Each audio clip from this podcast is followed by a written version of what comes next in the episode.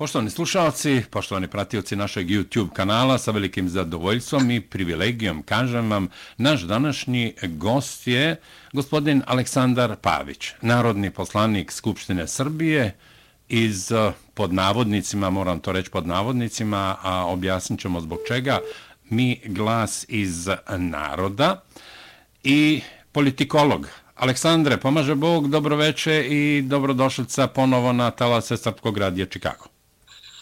Bog vam pomogao, Milorede, veliko mi je zadovoljstvo što možemo ponovo se čujemo.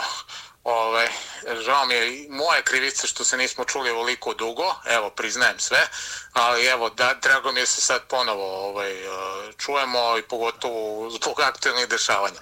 da, a mediji u Srbiji jutro spišu. Mi glas iz naroda, doktor Branimir, Branimir Nestorović, raskol, raspad, Nestorović i Aleksandar Pavić demonstrativno napustili pokret, vi izdajete saopštenje, dakle, uglavnom svi mediji po tim naslovima karakterišu ovo što se desilo danas među članovima, osnivačima pokreta Mi glas iz naroda, opet kažem pod navodnicima, vi ćete objasniti zbog čega pod navodnicima. Aha.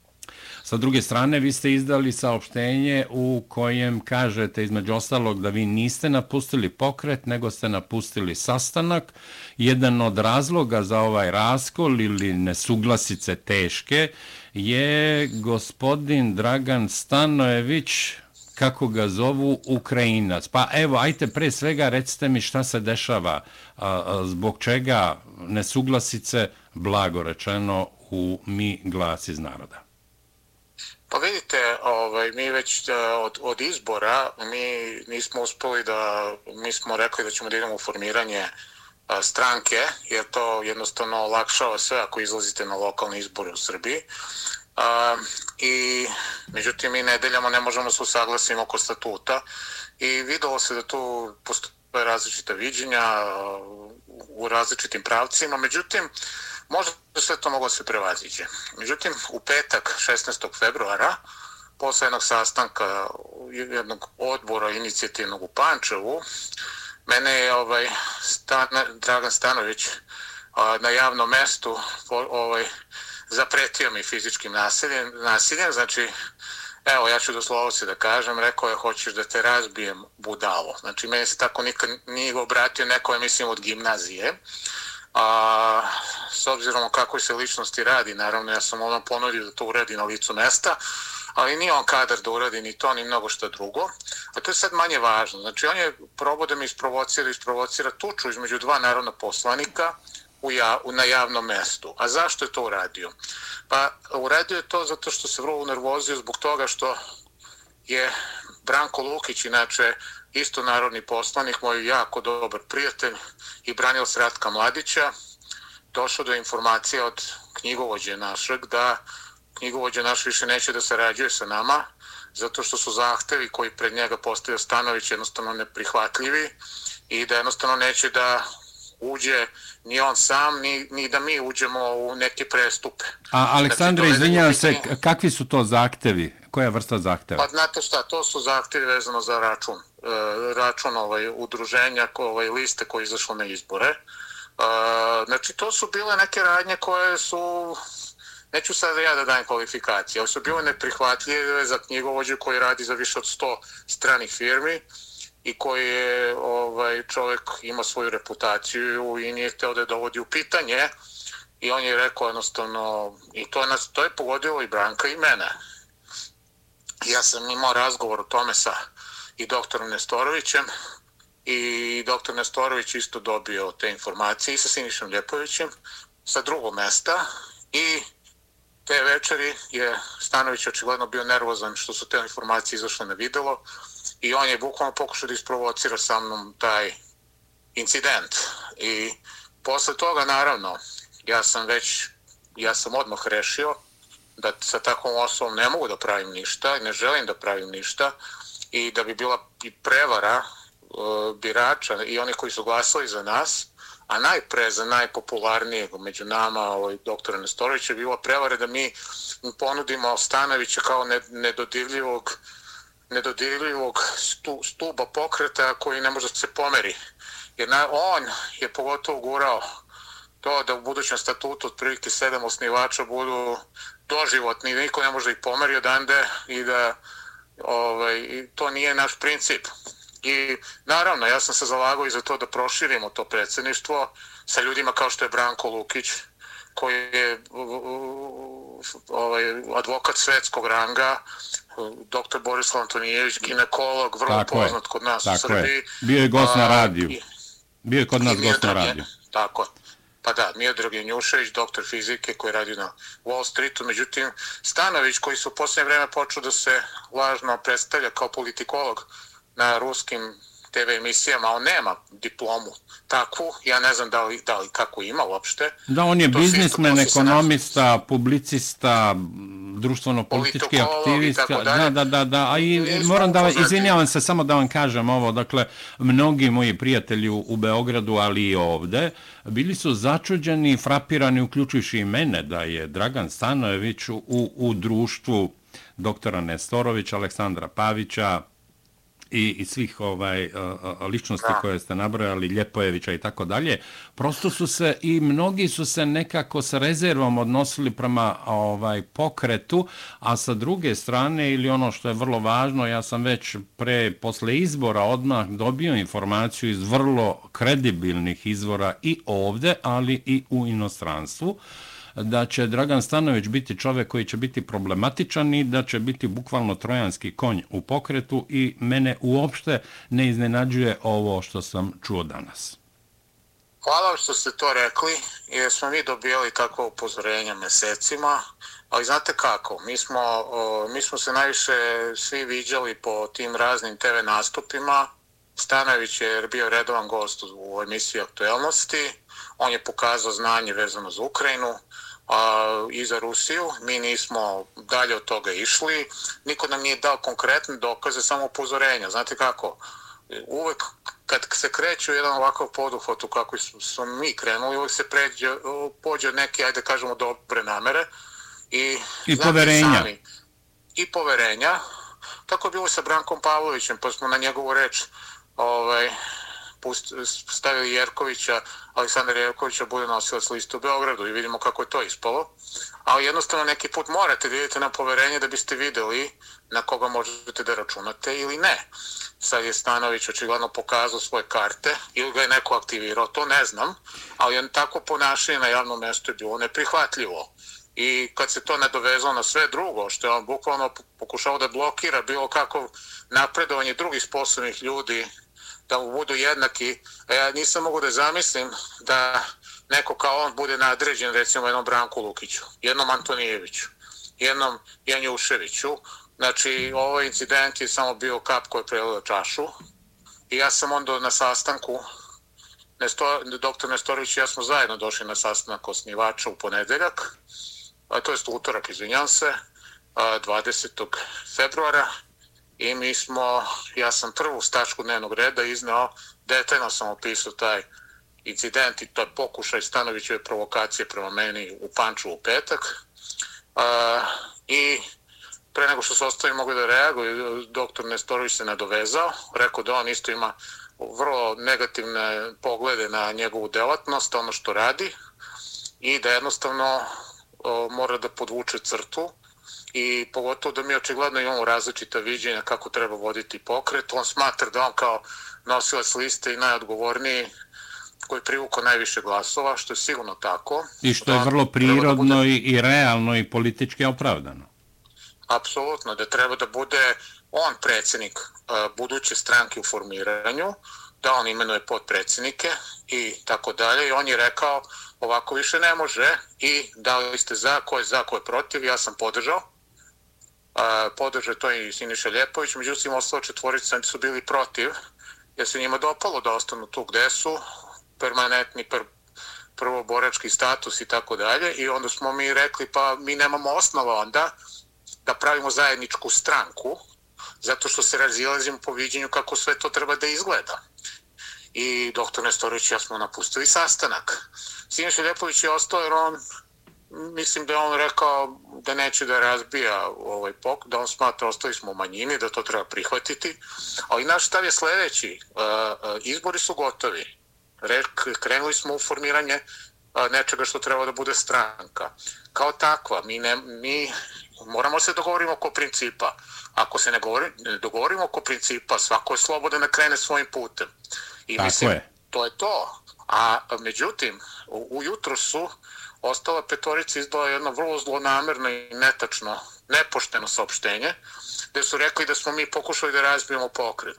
Znači, zamislite vi to da doktor Nestorović koji je bio nosilac liste razbio pokret koji je on najviše njegovom zaslugom za šest nedelja kampanje prešlo cenzus. Pa naravno, izvinite što prekidam, ali uh, za doktora Nestorovića, za vas, posebno evo u rasejanju, kad ste vi u pitanju, ljudi znaju i poštuju ono što radite, ovi drugi su onako periferne ličnosti, ne, ne želim nikog da vređam, periferne ličnosti a, u smislu da ih ljudi ne poznaju. Da prosto, a, doktor Nestorović i vi ste vukli pokret, ono kako sam ja to razumeo, vašom popularnošću, doslednošću i svim onim što ste radili, dokazani ste a, na poslovima kojima, na kojima ste radili.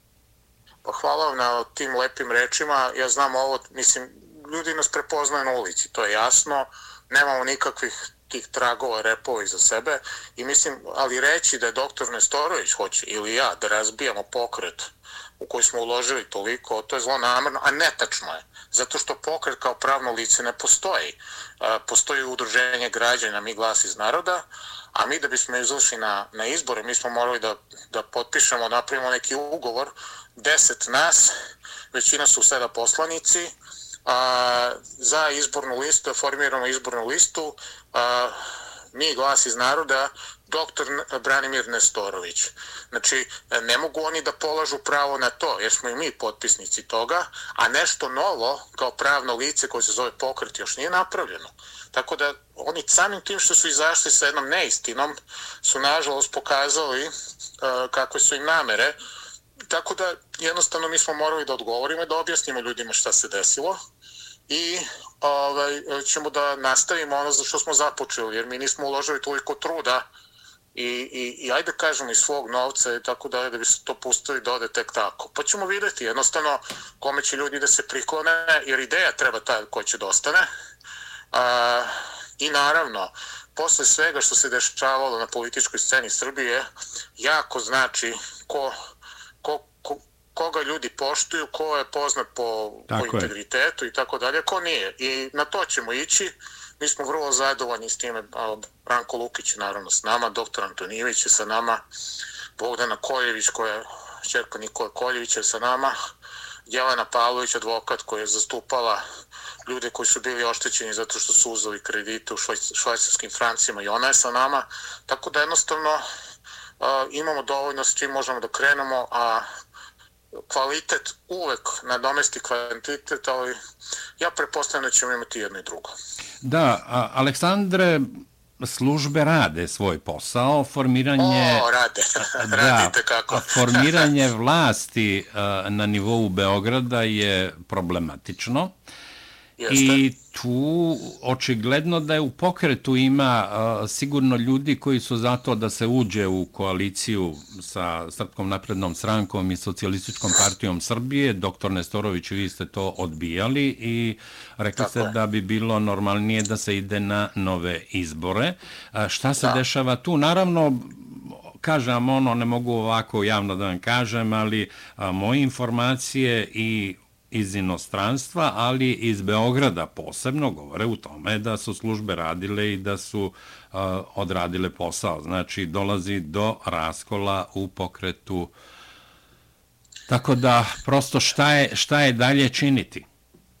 Pa slušajte, uh, mi smo znali da će do takve stvari da dođe, očekivali smo to. Mi nemamo logistiku službi, tako da uh, ljudi koji nisu profesionalci u tome obično ne, ne primete stvari dok nije kasno. Očekivali smo to. Znači, jednostavno, ali mi smo ipak iznenadili sve zato što smo prešli cenzus. Ljudi su pitali, pa zašto ste počeli tako kasno, a mislim da je sad jasno zašto. Jer da smo mi imali nekoliko meseci da, da, da kažemo da, da izlazimo na izbore, službe bi se spremile za nas. Ovako smo ih uhvatili na juriš i zato smo imali taj uspeh. Sad su se spremili za nas ali dobro, e, takva je situacija. Jednostavno, mi imamo neku viziju kako Srbija treba da izgleda. Mi bi volili naše rasejanje da se vrati u zemlju gde mogu njihovi talenti e, i iskustvo da dođu do izražaja, između ostalog, i, i na to toga nećemo odustati. A sad, što se kaže, svako neka radi svoj posao, pa ćemo na kraju vidjeti ko će da pobedi. Mi sigurno nećemo odustati. Da, oni su oni koji su na popularnosti doktora Nestorovića, ali slobodno mogu da kažem i na vašoj popularnosti, integritetu, a, ovenčali su se poslaničkim mandatima, zaigrali su se očigledno, I naravno oni mogu da rade šta hoće, ali to će glasači i narod, e, jer vaša popularnost je mimo onoga što ste osvojili na izborima, sve veća i veća, posebno doktora Nestorovića vas i evo napomenuli ste nekoliko imena koje ljudi izuzetno poštuju. Prema tome, ovaj, a, mi glas iz naroda, ko sad ima pravo da formira političku stranku, odnosno da bude osnivač političke stranke? Pa to ćemo da vidimo, ovaj, time tek treba da se bavimo, znate, čak nisam siguran, moramo još da se oko pravnika raspitamo, mi samo znam da ovlašćenje za, za, za ovlašćenje, za to, za imenovanje poverenika imaju samo tri osobe, to su Branko Lukić, Jelena Pavlović i Branimir Nestorović. Po tome se vidi ko ima legitimitet. Da. Znači, jednostavno, mi krećemo od toga. A ako neko hoće, pošto je na, na, na leđima doktora Nestorovića na prvom mestu, uh, i dobio poslanički mandat koji nekad ne, o kom je samo mogo da sanja, ako želi ljudima da se predstavi pod imenom tim istim, ali bez doktora Nestorovića, pa ja mislim da će ljudi da uoče vrlo brzo da to, pa i da kažemo, jedna vrsta prevare. Eto tako. Znači, uh, Pa neka vide, a, ima ljudi koji će glasaju za njih, mislim, ja ne ja se nisam kim nisam lično sukobio, osim što je Stanović teo da se sukobi sa mnom, ali mislim da je to bila namerna provokacija, pomenuli ste službe, meni mnogo liči na to, sa drugima nisam uopšte ušao ni u kakav lični sukob, znači prema tome vidjet ćemo, ne želim ništa drugo da kažem, osim ovoga, a, i da imenujemo te koji su koji su, ajde kažemo, glavni ovaj, kolovođe toga, a to su Stanovići ovaj, i naravno i Branko Pavlović isto tako, nažalost to moram da kažem, a, jer očigledno su oni autori ovoga što se desilo i ovog potpuno nepoštenog saopštenja koji namerno iz, iz, izostavilo ključne stvari koje su se desile, u koje su dovele do ovoga do čega je došla. Da, Aleksandre, uloga generala u penziji Mitra Kovača? To vam kažem, on je ostao sa njima. Uh, I ništa drugo ne mogu da kažem, još ništa nije rekao javno. Uh, znate šta, svako ima pravo da bira svoj put. Ja to ne sporim. Samo ću da osporim ako neko pokuša da iznese neku laž ili neistinu na moj račun ili na račun bilo koga za koga znam da je pošten. Uh, tako da za sada niko nisi nije javno oglašavao. Uh, osim uh, Pavlovića, čije smo morali neistine da demantujemo ovaj, i Nestorović i ja, a, tako da ćemo da vidimo za dalje. A, za sada ne želim, stvarno kažem, jednu ružnu reč sa ljudima koji sam mesecima proveo i u građenju, da kažem, ovog imena i u predizbornoj kampanji i u skupljanju potpisa, pa ćemo da vidimo kako bude. Mi sigurno prvi nećemo baciti kamen, kao što nismo prvi ni izdali saopštenje, znate. A, ovo njihovo zlonamerno saopštenje, da nije izdato, možda bi danas bilo prilike da malo još razgovaramo o nečemu i tako dalje, međutim oni su sami toliko agresivno nastupili, toliko brzo izdali to saopštenje da to očigledno postojala neka namera i opet se vraćamo na ono što ste rekli službe, neki će reći udba, a neki će reći cija snajka cija, ali to je sve jedno isto. Da, da, da, i evo pri kraju smo našeg razgovora, hvala vam pre svega što ste odvojili vreme, znam da ste u velikoj gužvi, a, imali mogućnosti za neko pomirenje? Znate šta, ne znam šta bi značilo pomirenje. Uh, pomirenje, uh, mi smo rekli šta smo imali. Uh, ako neko želi da prizna da nije, da je pogrešno predstavio stvari, uh, da se pokaje za to, to je u redu. Uh, ali bi ti morali da napravi prvi potez.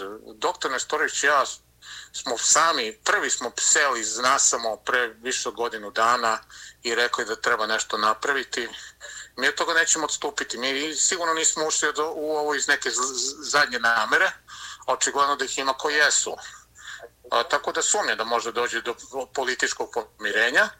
A, ali naravno, verovatno da može da dođe do neke vrste sinergije po nekim pitanjima nacionalnog značaja u Skupštini. I to možda bude dovoljno, znate, ne morate da budete prijatelj Naravno, s nekim, da. dogod ne izdajete svoje principe. A, vi ste večeras na skupu, gde ste rekli, u Valjevu ili u... U, La, u Lazarevcu. U Lazarevcu. U Lazarevcu. Biće tribina, da.